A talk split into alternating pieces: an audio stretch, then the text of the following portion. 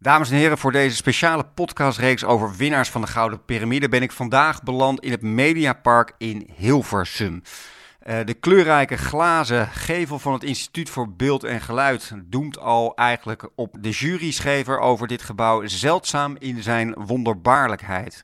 Niet alleen vanwege de beroemde voorgevel, maar ook vanwege het spectaculaire interieur stond er. Als je in de grote hal binnenkomt, zie je diep onder je het mediaarchief de grond insteken.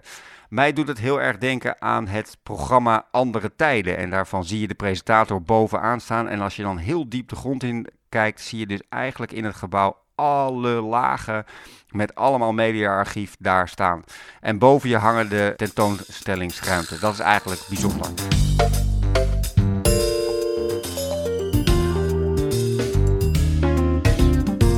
Met wie spreek ik vandaag? Edwin van Huis. We zijn bij het uh, Instituut voor Beeld en Geluid in Hilversum op het Mediapark. En jij was hier directeur van?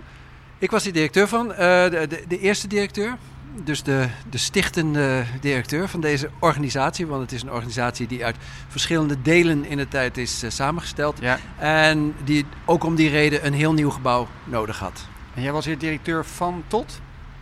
Van, tot 2000. 8 van 1996, denk ik. En nu directeur van? Van Naturalis. Nu we dit pand uh, binnenlopen is eigenlijk gewoon meteen de hoofdvraag. Uh, dit was winnaar van de Gouden Piramide in... 2008 voor jou ook geloof ik. Waarom denk jij eigenlijk dat jullie de prijs gewonnen hebben? Nou, het is, het is belangrijk om je te beseffen dat het geen prijs is voor het mooiste gebouw. Het is geen architectuurprijs, het is een opdrachtgeversprijs. Klopt. Dus, dus het gaat om de relatie tussen de architect en zijn opdrachtgever. Ja. En um, ik denk dat de reden waarom we het hebben gemaakt, uh, hebben gewonnen, is omdat het best een ingewikkeld gebouw is. Een moeilijk gebouw om te maken. Ja. Een gebouw wat probeert heel veel um, ideeën, sferen, emoties, maar ook uh, uh, constructieve dingen samen te brengen. Ja. wat ik gevoeld heb en wat de architect denk ik ook gevoeld heeft, Ja. dat we dat echt als een team hebben gedaan. Doe even die rollen uit elkaar. Jij was opdrachtgever. Ik was opdrachtgever. Jij was de directeur. Ja. Dat moest allemaal komen. En jij hebt een architect gezien. Michiel Riedijk was uh, architect van Ja, Neutlitz Die Riedijk. gaan we ook nog interviewen. Dat is mooi.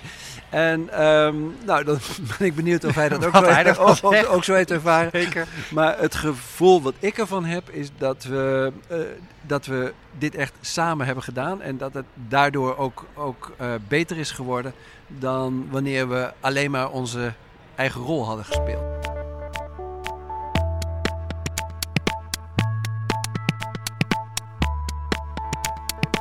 Wat daarbij in het geval van Edwin heel belangrijk was, is dat hij steeds ook een culturele ambitie in de gaten hield. Dames en heren, hierbij komt aan het woord de architect van beeld en geluid, Michiel Riedijk. Ja, want het toetsen van de kosten, het toetsen van de functionaliteit van het gebouw, daarvan zou je moeten zeggen dat dat eigenlijk het verplichte huiswerk is, wat sowieso goed moet zijn. Ja, dat is evident. Dat is evident. Hè? Als een gebouw die prestatie niet levert, ja. Ja. dan is het eigenlijk zonde van de inspanning.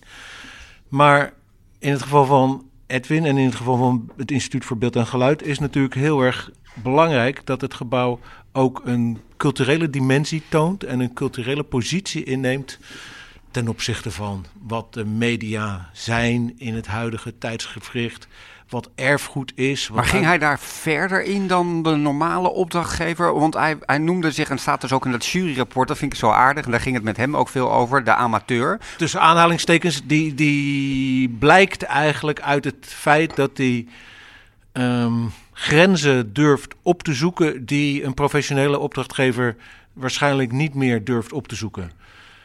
Ik noemde net de netto-bruto verhouding, de kosten, de logistieke helderheid van een gebouw. Ja, dat is eigenlijk het niveau waarop de gekende professionele opdrachtgever een ontwerp toetst. Aangezien Edwin uh, laat ik zeggen, in zekere zin onbevangen tegen zo'n uh, ontwerpproces aankeek, heeft hij het ook aangedurfd om samen met ons en Jaap Drupsteen bijvoorbeeld die bijzondere glassoorten te ontwikkelen voor de glasgevel van het Instituut voor Beeld en Geluid. Dus daar zit vanuit een soort gedrevenheid uh, en dat amateurisme zou ik eigenlijk willen vervangen door onbevangenheid zit daar een soort wil om iets te maken wat, um, laat ik zeggen, niet uh, direct uh, op de schappen ligt. Wat ik me erbij voorstel is dat je, als je praat over, over professionele opdrachtgevers, zal maar zeggen projectontwikkelaars en dergelijke, dat suggereert ook een ze- zekere distantie Ja. tot het ontwerp en tot het gebouw. En ehm, het voordeel van de amateur is dat ik er niet zat voor dat gebouw, maar dat ik zat voor de organisatie en voor wat wij met dat gebouw tot uitdrukking eh, Ja. wilden brengen. Ja. Eh, waardoor ik denk betrokkener was Ja. dan de gemiddelde professionele opdrachtgever. Kijk, het, wat een van de essenties van een wedstrijd is, is dat je een beeld schept wat de opdrachtgever wenst. Dat is niet precies hetzelfde als wat de opdrachtgever verwacht.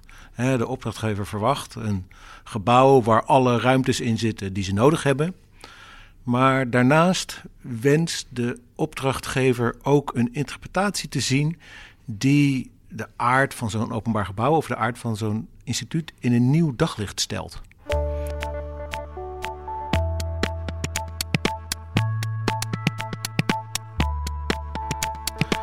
In het geval van het Instituut voor Beeld en Geluid was het een, allereerst een operatie waarbij verschillende instituten samen opgingen in een nieuw instituut. Beeld en geluid bestond niet. Dus wij zagen het gebouw ook als een heel belangrijk middel eh, om te gaan bestaan, om zichtbaar te worden. Omdat mensen eh, wisten wie we waren en ook hier naartoe zouden gaan komen. Wat stond hier dan x jaar geleden? Neem eens me ons eens mee. Hier stond, hier stond niks. Hier stond een, eh, was een bushalte en een, een schapenweidje Ja, en, wat, eh, en, wat, eh, Ja. en, wat, en wat hei waar, eh, Ja. waar we nu staan. Er was helemaal niks. Want het Mediapark was eigenlijk in die tijd ook een vrij gesloten bastion. Hè. Er werden programma's gemaakt en ze hadden hun eigen archief, televisiearchief, radioarchief. En eh, de bedoeling was van eh, het departement bijvoorbeeld, eh, maar ook van de omroep, om dat meer open te maken. En er was ook wel, eh, eh, ook wel een sterk gevoel dat die filmarchieven, die televisiearchieven en dat die radioarchieven, die waren langzamerhand ook echt belangrijk geworden als dragers van geschiedenis en van, Ja. van identiteit, Ja. cultuur. Eh, terwijl het tot die tijd eigenlijk alleen maar gezien werd door de omroepen als... ja, dat filmpje hebben we nog, want dan kunnen we nog een keer... misschien En een keer ergens in nog, nog drie seconden van hergebruiken. Ja. Maar was er een soort van archief wat toegankelijk was voor zeker. het publiek?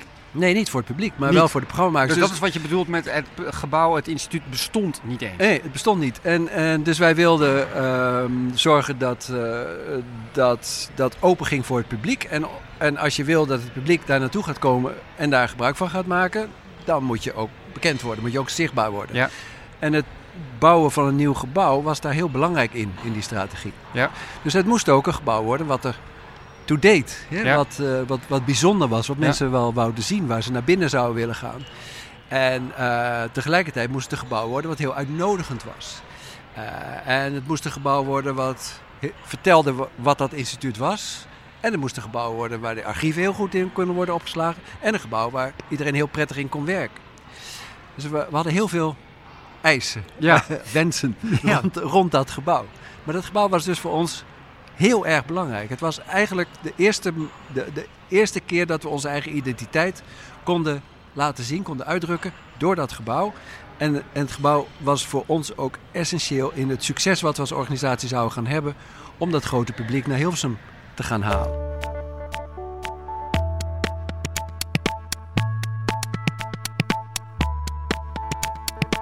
Op een gegeven moment in het, in het eh, ontwerpproces was het zo dat Riedek zei van ik kan dat eigenlijk niet maken. Ik, ik moet, waar, nu, hè, waar, waar ik dat glas wou hebben, Ja. dan moet ik beton neerzetten. Want anders dan kan ik die enorme massa van die, eh, van die experience, die eh, eigenlijk de, de, de, de overheen hangt en naar beneden wil vallen, die moet ik ergens opvangen. Ja. En dat lukt me niet. Dus moet ik dat dichtmaken. Er komt daar gewoon beton. En eh, nou ja, dat is nou eenmaal zo. Dat is, is Dan niks was aan het te hele doen. effect weg was geweest. natuurlijk het hele effect weg geweest. En ik dacht van, ja hallo, Ja, nee, dat begrijp dat ik heb ook ik niet dat- gekocht. Nee, dat gaan we niet doen. nee, dat gaan we lekker niet doen. En, eh en Riedijk was heel op, die, die had een, natuurlijk oprecht een heel groot probleem. Die wou dat ook heel graag maken, wat hij, wat hij had beloofd. Ja, Maar hij wist niet hoe dat moest. Hij kwam daar niet uit. maar toen kwamen jullie bij elkaar op moment X of Y op een plek. En jij zegt, ja, het is allemaal hartstikke leuk, maar ik wil het gewoon hebben. ja, daar kwam het eigenlijk op neer. En toen, hoe reageerde hij Ja, toen? heeft hij nog- ook aan hem Toen heeft hij nog een keer uitgelegd dat, Dat het niet echt kon? niet zei ja, maar ik wil het gewoon hebben. Ja? Eh, dus dat ging zo een tijdje eh, door. Ja?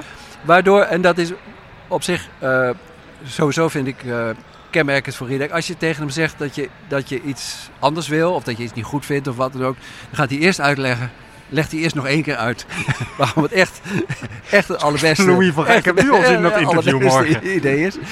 Maar, ik, maar je weet ook altijd zeker dat als hij naar huis gaat, dat hij denkt van... Ja, maar dat laat ik niet op me zitten. En dan komt er altijd daarna iets anders en het is eigenlijk altijd beter. En um, nou ja, met zo'n architect wil je wel werken. Want en hoe zorg je ervoor dus... dat je niet in de gebruikelijke fricties terecht... want ja, maar we hebben afgesproken dat of dat stond op papier... Of, en nou moet je... Dat is vaak natuurlijk ook tussen opdrachtgever en opdrachtnemer... Van, Hoe hou je relatie goed? Hoe zorg je dat je vertrouwen houdt, maar ook afspraken nakomen? Hoe ging dat? Even op dit voorbeeld, dat is zo aardig. Van, moest, Ging dat maanden door of waren jullie dan binnen twee weken er wel... Nou, dit was echt een groot probleem. Ja, dit is een huge one. Dit is geen kleine. Uh, we hebben uh, vaak momenten gehad dat, uh, dat, het, uh, dat, dat er gedoe was tussen ons, zou ik zeggen. En dan gingen wij eten. Ja? Dat deden wij altijd. McDonald's? Nee, best wel, best wel wat beter dan McDonald's. Ja. Maar dat was ook een soort bezweringsformule na een tijdje. Weet je, dat als, er, als, er, als, er, als, als het een beetje ongemakkelijk werd, dan zeiden we, nou volgens mij moeten we maar weer eens gaan eten. Dan ging ik naar huis na zo'n etentje. En als we dan in Rotterdam aten, dan fietste ik naar huis. En dan ja. zat ik nog eens na te denken van, ja, wat moeten we nou doen? En meestal kwam ik dan wel na een paar dagen kwam ik dan wel weer met een idee hoe we het zouden kunnen doen.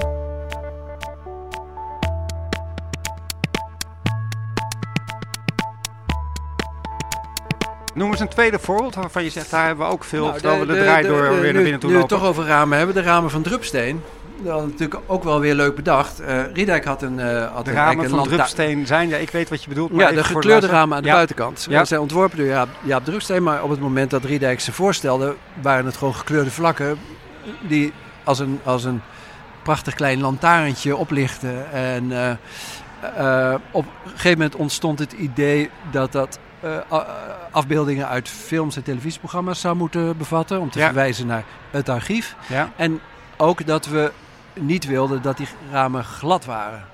Want glad is hard en, en, en uh, afstandelijk. En het moest juist een, welkom, een, een verwelkomend gebouw worden.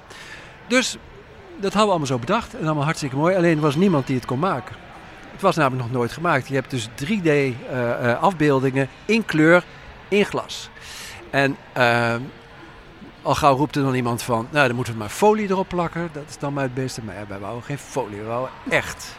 Het is zo dat uh, we hebben in de wedstrijd hebben we dat glas bedacht. En dat is een van de onderdelen waarmee we de wedstrijd hebben gewonnen. En we hebben uh, heel lang gezocht naar uh, bestaande, om binnen bestaande glassoorten te kijken of we het glas zouden kunnen vinden wat we bedacht hadden in de wedstrijd. Het bleek, het bleek dat uh, een glassoort die kleur echt zou zijn, maar die ook zowel aan de binnenzijde als aan de buitenzijde kleur zou geven, die glassoort was er niet.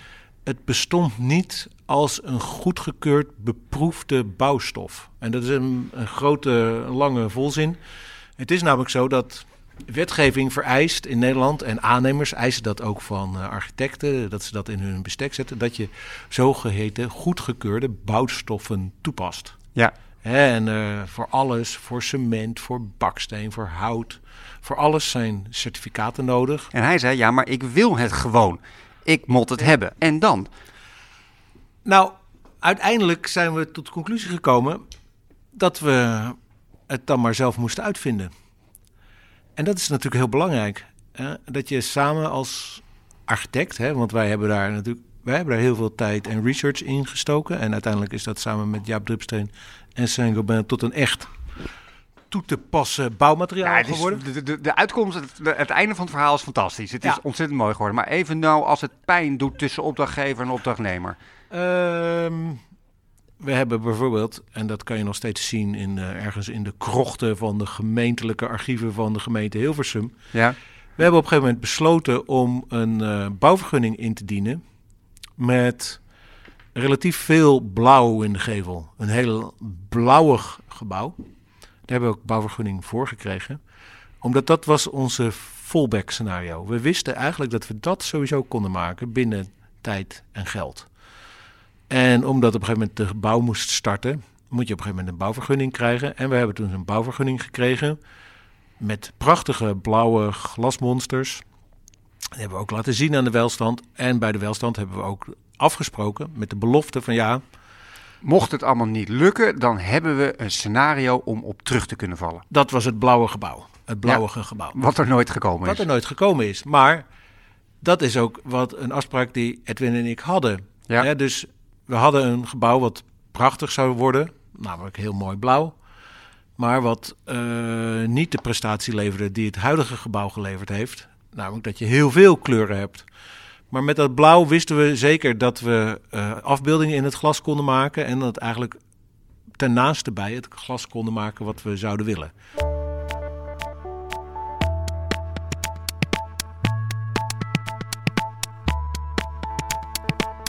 Eh, waarom moeten mensen zich voor die gouden piramide eh, opgeven, vind jij? Ik vind dat iedere opdrachtgever en iedere architect of ieder team wat een, samen een prachtig gebouw maakt, ook de pretentie zou moeten hebben dat het gebouw het strikt utilitaire overstijgt.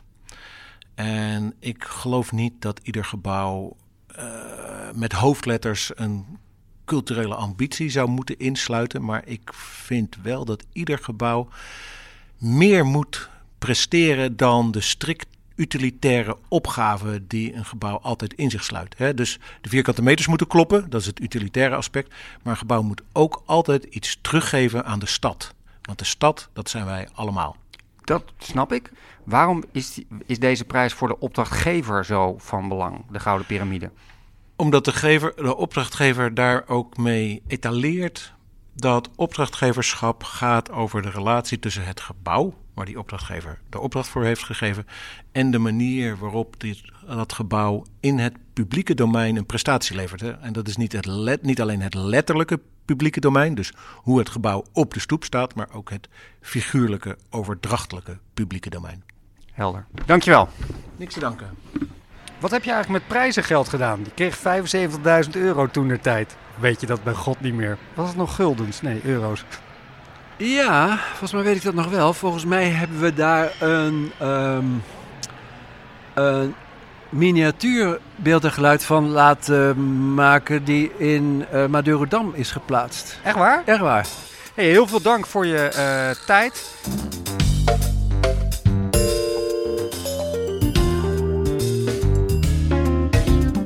Dames en heren, dank voor het luisteren naar deze uitzending vanuit dit keer Hilversum Beeld en Geluid. Alle andere podcasten kunt u vinden op www.goudenpyramide.nl. Dank voor het luisteren en graag tot een volgende keer.